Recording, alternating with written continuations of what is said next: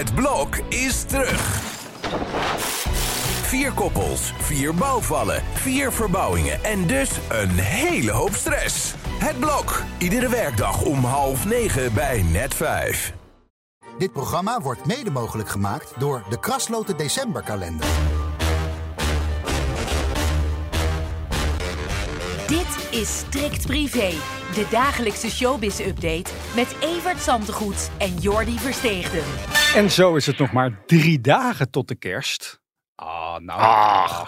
Ja, verdomd. Ja, en jij zit eh, constant op tv naar die kerstreclames te kijken. Ja, dan kan ik kijken. Ja, ik zag ook heel veel van reclame, maar ik Ja. vind dat rond de kerst. En, en die filmpjes van de Jumbo altijd, die zijn prachtig en zo. Maar nu zit er een van bol.com tussen. Nou, ik heb er echt een week verbijsterd en zitten kijken. Waar gaat dit over? Ja. Dan moet je nagaan dat ze waarschijnlijk in augustus of zo een hele straat in kerstsfeer hebben gebracht. Dat kost me allemaal een geld.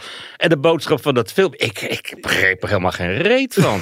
Toen ben ik dat aan, aan, aan heel veel mensen gaan vragen. En eindelijk was er iemand die dat zat, eh, dat, dat het meisje overprikkeld raakt. En dan worden al die kersten, de hele buurt doet dan mee. Want dat meisje moet ook een leuke kerst hebben. En dan doen we alle prikkels. En dan prikkelt opa oh, zijn ba... Nou, wat een flauwekul. Kun je nou niks anders verzinnen dan dit? Ja, Ik maar vind ja. het echt onbegrijpelijk. Ze moeten ieder jaar natuurlijk weer met iets nieuws op de proppen komen. En bij mij helpt het altijd als er een zielig muziekje onder Ja, dat. Dan- en, en, en toen, eh, eh, Frank Lammers had toen een keer een klein poesje gevonden in een doos en zo. Dat, ja, in een doos met een poesje. en dat was hartst, een hartstikke leuk, hartverwarmend filmpje met, die, met, die, met Trudy Labij weer als de schoonmoeder van dat gezin. Ik heb nog steeds niet begrepen waarom daar geen serie van gemaakt is hoor. Van dat, dat, dat Jumbo-gezin in, in, in, als een soort oogappels. Dat is zo leuk gecast. Ja. Maar ja, bol.com, dat vind ik echt wat een weggegooid geld. En wat een strontvervelende reclame. Ze slaan de plank volledig Totaal. mis. Ja. Nou ja, het is de tijd voor kerstreclames en ook weer van de nieuwe Maar ik heb nog even een oude meegenomen van Oh. Marco.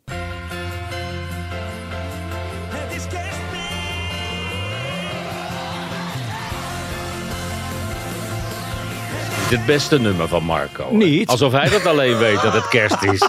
De Cher heeft nu ook een nieuw album. Ook met It's Christmas. En die staat er ook tussen. Ja, ik weet ook wel dat het kerst Nou ja, ach, Marco Borsato. Hij is vandaag jarig. Ja, leuk. Dus wij- 57. Ik En weet wij niet moeten hoe- dan voor hem zingen natuurlijk eerst, Nou. toch? Hoeft dat niet? Niet, nee. Ik Oh. denk dat het. Ik weet niet of het druk wordt op zijn verjaardag. Want Oh. hij zal ook wel ge- ge- ge- gemerkt hebben dat wie wint vrienden heeft. en wie even in de verdomhoek zit. dat ze toch wel heel erg. eh, maar ja, misschien een hoop appjes en een hoop telefoontjes. En Hmm. eh, ja, het is een ander jaar geworden dan hij gedacht had. Ik denk dat hij toch gehoopt had dat hij niet vervolgd zou gaan worden. Dat wordt hij wel in het nieuwe jaar. Ja. En dat is geen plezierig vooruitzicht. Ik heb het eerder gezegd. Vooral dat mediacircus wat dat straks wordt. Die rechtszaak, want die is openbaar. Hmm. Dat is eh, niet iets waar je je op verheugt als, eh, als je daar doorheen moet door die haag van fotografen. Die...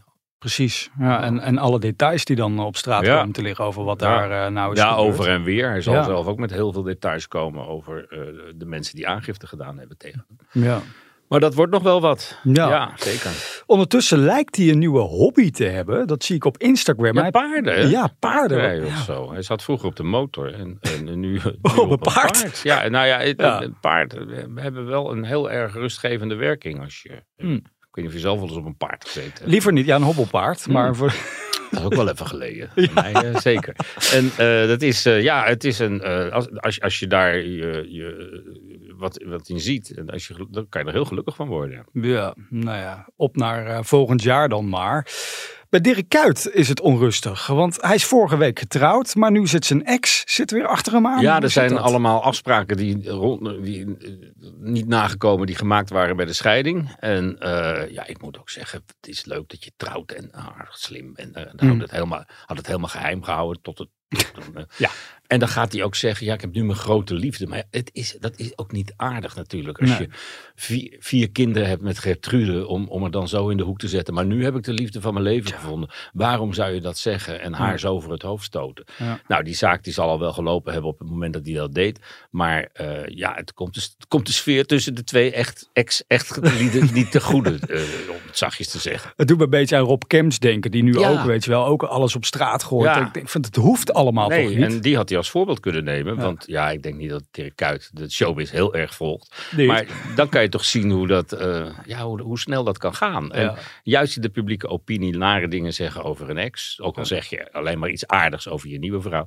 Dat is niet handig in het algemeen. En toch heb ik vaak bij mensen die alles maar op Instagram gooien van hun relatie, heb ik vaak het gevoel dat ze juist niet gelukkig zijn. Omdat ze dan aan de buitenwereld maar willen laten zien, kijk eens hoe gelukkig wij zijn. Maar dat het dan, nou ja, goed. Oh, dan moet jij gelukkig zijn dan. Want ik zie echt nooit iets over jouw uh, privéleven. Nee, maar ik heb een geheim account. Eh, goed, strikt privé namelijk. Ehm, nou ja, eh, een televisieknipperlichtrelatie hebben Geer en Goor natuurlijk. Ja, ik heb daar vandaag een stukje over geschreven. Ja. Omdat, heb toch eens even wat mensen gebeld die met hun gewerkt hebben. Rini van der Els onder andere, dat is die bekende stem, Ja. weet je wel. Ja, die hoopt erop dat het toch weer terugkeert, maar is nog niet gebeld. Nee, ik denk ook niet dat ze zo ver zijn. Ik denk echt dat wat ik vorige week vertelde, van dat ze in de verkenningsfase zitten. RTL Ja. zegt nog dat ze helemaal niet in gesprek zijn. Nou, de producent staat natuurlijk wel te trappelen. Mhm. En uiteindelijk zal RTL dat ook wel eh, doen. Want ja, ik denk dat mensen in ieder geval zo nieuwsgierig zijn dat ze in ieder geval naar de eerste aflevering gaan kijken. En dat Ja. toch onmiddellijk weer verslaafd zouden zijn aan die twee. Die elkaar niet kunnen luchten of zien soms. Ja. Maar toch ook wel weer een chemie hebben. En die vallen elkaar weer lachend in de armen hoor. Daar hoef je helemaal niet mee te zitten. En ja, of het zover komt, ik, ik ben er nog niet helemaal zeker van. Ja. Maar uiteindelijk denk ik gewoon dat we in september of zo weer Geer en Goor te zien krijgen. Ze hebben er allebei belang bij. En eh, tot die tijd kun je ook terecht op TikTok, dat eh, populaire medium. Daar zat ik gisteren even op te kijken. Daar worden die fil- camping. Ja, Alleen de laatste drie letters vind ik leuk. ING.